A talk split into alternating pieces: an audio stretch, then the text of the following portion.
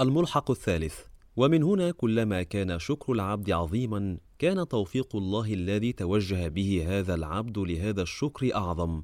فأصبحت النعمة على عباد الله المقربين أعظم وأصبح عملهم وشكرهم نعمة جديدة تحتاج إلى شكر. وهذا الشكر بتوفيق الله وحوله وقوته فهو نعمة جديدة أعظم من سابقتها تحتاج إلى شكر أعظم. وهكذا حتى ألجمهم الكريم بكرمه فخرست ألسنتهم وفاضت أعينهم من الدمع لما عرفوا أنهم قاصرون عن شكره سبحانه بل أنهم في مقامتهم المحمودة لما عرفوا أنهم لا يزالون مشوبين بالعدم وظلمته والنقص وحقيقته عدوا وجودهم وبقاءهم ذنبا فاستغفروا الله منه وتابوا إليه وطلبوا عفوه ورحمته. هذا مع أن وجودهم رهن بقاء هذا الحجاب وبقاءهم رهن تشوبهم بالظلمة والعدم. وهذا أمير المؤمنين علي عليه السلام يقول إلهي قد جرت على نفسي في النظر لها فلها الويل إن لم تغفر لها. المصدر إقبال الأعمال جزء ثلاثة صفحة 629 الفصل العاشر مناجاة شهر شعبان بحار الأنوار جزء 91 صفحة 97 فعد التفاته إلى وجوده ذنبا. بل لعلي أقول عد وجوده ذنبا لما فيه من شائبة العدم التي بدونها لا يبقى له اسم ولا رسم بل يفنى ولا يبقى إلا الله الواحد القهار. وفي الحديث عن الصادق عليه السلام فأوقفه جبرائيل موقفا فقال له مكانك يا محمد؟ أي هذا هو مقامك. فجبرائيل لا يستطيع الوصول إلى مقام النبي فأشار له بالعروج إلى مقامه صلى الله عليه وآله وسلم. فلقد وقفت موقفا ما وقفه ملك قط ولا نبي. إن ربك يصلي. فقال يا جبرائيل وكيف يصلي؟ قال يقول سبوح قدوس أنا رب الملائكة والروح. سبقت رحمتي غضبي. فقال اللهم عفوك عفوك.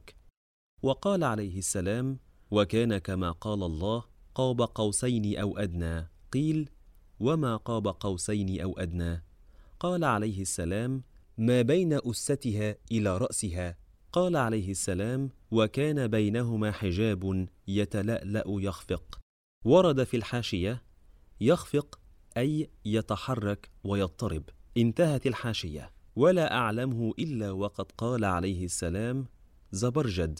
فنظر في مثل سم الإبرة ورد في الحاشية سم الإبرة ثقبتها انتهت الحاشية إلى ما شاء الله من نور العظمة. فقال الله تبارك وتعالى إلى آخره المصدر الكافي جزء واحد صفحة 443 عنه بحار الأنوار جزء 18 صفحة 306 تفسير الصافي جزء 5 صفحة 87 أما طلب النبي للعفو فقد تبين. وأما خفق الحجاب فهو استجابة منه جل شأنه لطلب النبي للعفو. وإماطة حجاب العدم والظلمة عن صفحة وجوده المباركة. ولكنها استجابة جزئية بما هو أهله سبحانه. فلو رفع الحجاب لما عاد للنبي اسم ولا رسم ولا حقيقة. ومن هنا تعرف مقام هذا الكريم صلى الله عليه وآله وسلم. فقد أعطى كله لله فأعطاه الله ما لم يعط أحدا من العالمين. فنظر في مثل سم الإبرة إلى ما شاء الله من نور العظمة.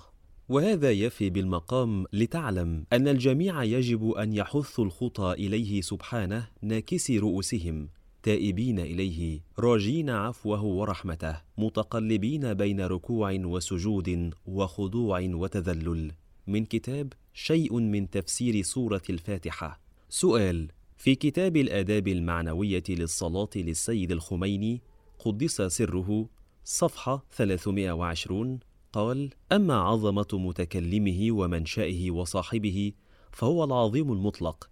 الذي جميع أنواع العظمة المتصورة في الملك والملكوت وجميع أنواع القدرة النازلة في الغيب والشهادة رشحة من تجليات عظمة فعل تلك الذات المقدسة ولا يمكن أن يتجلى الحق تعالى بالعظمة لأحد وإنما يتجلى بها من وراء آلاف الحجب والسرادقات كما في الحديث أن له تبارك وتعالى سبعين ألف حجاب من نور وظلمة لو كشفت لأحرقت سبحات وجه دونه.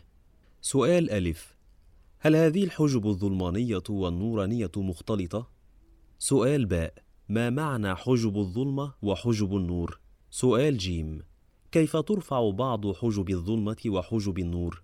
سؤال دال. هل أن هذه الحجب لا ترفع ابدا كما قال السيد قدس سره؟ ولا يمكن أن يتجلى الحق تعالى بالعظمة لأحد؟ ولو رفعت ماذا يحصل وما معنى الحرق؟ الجواب الحجب الظلمانية هي جنود الجهل التي ذكرها الإمام الصادق عليه السلام والأخلاق الذميمة والانا المغروسة في فطرة الإنسان. فكلما زادت الانا عند الإنسان زادت هذه الحجب. وكلما قلت الانا عند الإنسان قلت هذه الحجب. فهذه الحجب منشأها الظلمة والعدم والمادة.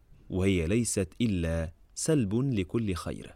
أما الحجب النورانية فهي كلمات الله سبحانه وتعالى والفيض النازل منه سبحانه إلى خلقه ولها حال في كل مقام. ولكل إنسان سالك الطريق إلى الله سبحانه وتعالى فهي بالنسبة لخير الخلق محمد صلى الله عليه وآله وسلم القرآن أو الحجاب الذي يخفق. كما ورد في الرواية عن الصادق عليه السلام قال فأوقفه جبرائيل موقفا فقال له مكانك يا محمد أي هذا هو مقامك؟ فجبرائيل لا يستطيع الوصول إلى مقام النبي صلى الله عليه وآله وسلم فأشار له بالعروج إلى مقامه صلى الله عليه وآله وسلم فلقد وقفت موقفا ما وقفه ملك قط ولا نبي إن ربك يصلي. فقال يا جبرائيل وكيف يصلي؟ قال يقول سبوح قدوس أنا رب الملائكة والروح سبقت رحمتي غضبي. فقال صلى الله عليه وآله وسلم اللهم عفوك عفوك. قال عليه السلام وكان كما قال الله قاب قوسين أو أدنى. قيل وما قاب قوسين أو ادنى. قال عليه السلام ما بين استها إلى راسها. قال عليه السلام وكان بينهما حجاب يتلالا ويخفق ولا اعلمه الا وقد قال زبرجد. فنظر في مثل سم الابره إلى ما شاء الله من نور العظمه. فقال الله تبارك وتعالى إلى اخره. تفسير الصافي سوره النجم. وهذا الحجاب الزبرجد الأخضر الذي يخفق هو إشارة إلى حجب الظلمة وحجب النور وارتفاع حجب الظلمة بالفتح في مثل سم الإبرة وارتفاع حجب النور بالخفق الحاصل للحجاب. فحجب الظلمة تخرق بالتخلي عن جنود الجهل والأنا وحجب النور يحتويها الإنسان ويفنى فيها عندما يتحلى بجنود العقل والأخلاق الكريمة. وهكذا الإنسان في مسيرته التكاملية يسعى إلى أن يصل إلى رفع الأنا عن صفحة وجوده والتحلي بجميع جنود العقل وهذا هو الفتح المبين. إنا فتحنا لك فتحا مبينا. سورة الفتح الآية واحد. وهذا هو المقام المحمود الذي وصل إليه الرسول الكريم محمد صلى الله عليه وآله وسلم. وقد تجلى في هذا المقام الله سبحانه وتعالى لمحمد صلى الله عليه وآله وسلم في آنات. وكان بينهما حجاب يتلألأ ويخفق. أي أن الحجاب يرتفع في آن ويعود في آن آخر. وحال ارتفاعه لا يبقى محمد صلى الله عليه وآله وسلم بل يفنى ويحترق. ولا يبقى وجه الله محمد صلى الله عليه وآله وسلم بل لا يبقى إلا الله الواحد القهار. والحديث أعلاه المروي عنهم عليهم السلام لا ينفي الكشف لحجب الظلمة والنور مطلقا بل ينفي الكشف التام الدائم.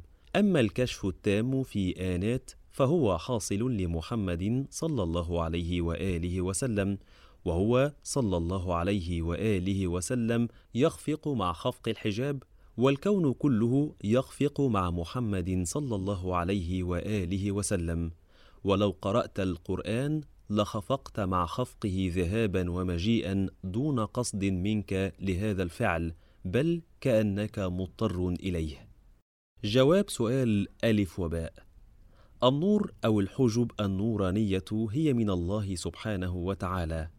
وحجب الظلمة من المادة أو العدم والمخلوقات وجدت بإشراق النور في الظلمة. أو قل تجلي النور في الظلمة والاختلاط الحاصل بين النور والظلمة ليس بمعنى اختلاط مجانسة بل هو اختلاط تجل وظهور. كما قال أمير المؤمنين عليه السلام ما معناه؟ داخل في الأشياء بلا مجانسة وخارج منها بلا مزايلة. جواب سؤال جيم. ترفع حجب الظلمة والنور بالسعي إلى الله سبحانه وتعالى وتحصيل رضاه. وترفع حجب الظلمة خاصة بالتخلي عن جنود الجهل والأخلاق الذميمة وبالابتعاد عن الأنا وتركها. وترفع حجب النور بالعلم والمعرفة والتحلي بجنود العقل والأخلاق الكريمة وتسلق سلم الصعود إلى المقامات القدسية في الملأ الأعلى. جواب سؤال دال. اتضح مما سبق أنها رفعت بشكل تام لمحمد صلى الله عليه وآله وسلم ولكن ليس على الدوام بل في آنات كما اتضح أن العلة في عدم رفعها بشكل دائم هي أنها لو رفعت بشكل دائم لا يبقى للعبد هوية بل لا يبقى إلا الله الواحد القهار بعد احتراق العبد وفنائه في الذات الإلهية. ولم ترفع هذه الحجب بشكل تام لغير محمد صلى الله عليه وآله وسلم وهو صاحب المقام المحمود. وقال سيد العارفين علي عليه السلام لو كشف لي الغطاء ما ازددت يقينا. وهذا الغطاء والحجاب الذي رفع لمحمد صلى الله عليه وآله وسلم. وإلا فعلي عليه السلام كشف له الغطاء بالمراتب الأدنى من هذه المرتبة التي ذكرها عليه السلام وقد كان عليه السلام يسير في جبانة الكوفة ويكلم الموتى كما روى حبة العرنية. من كتاب المتشابهات الجزء الثاني.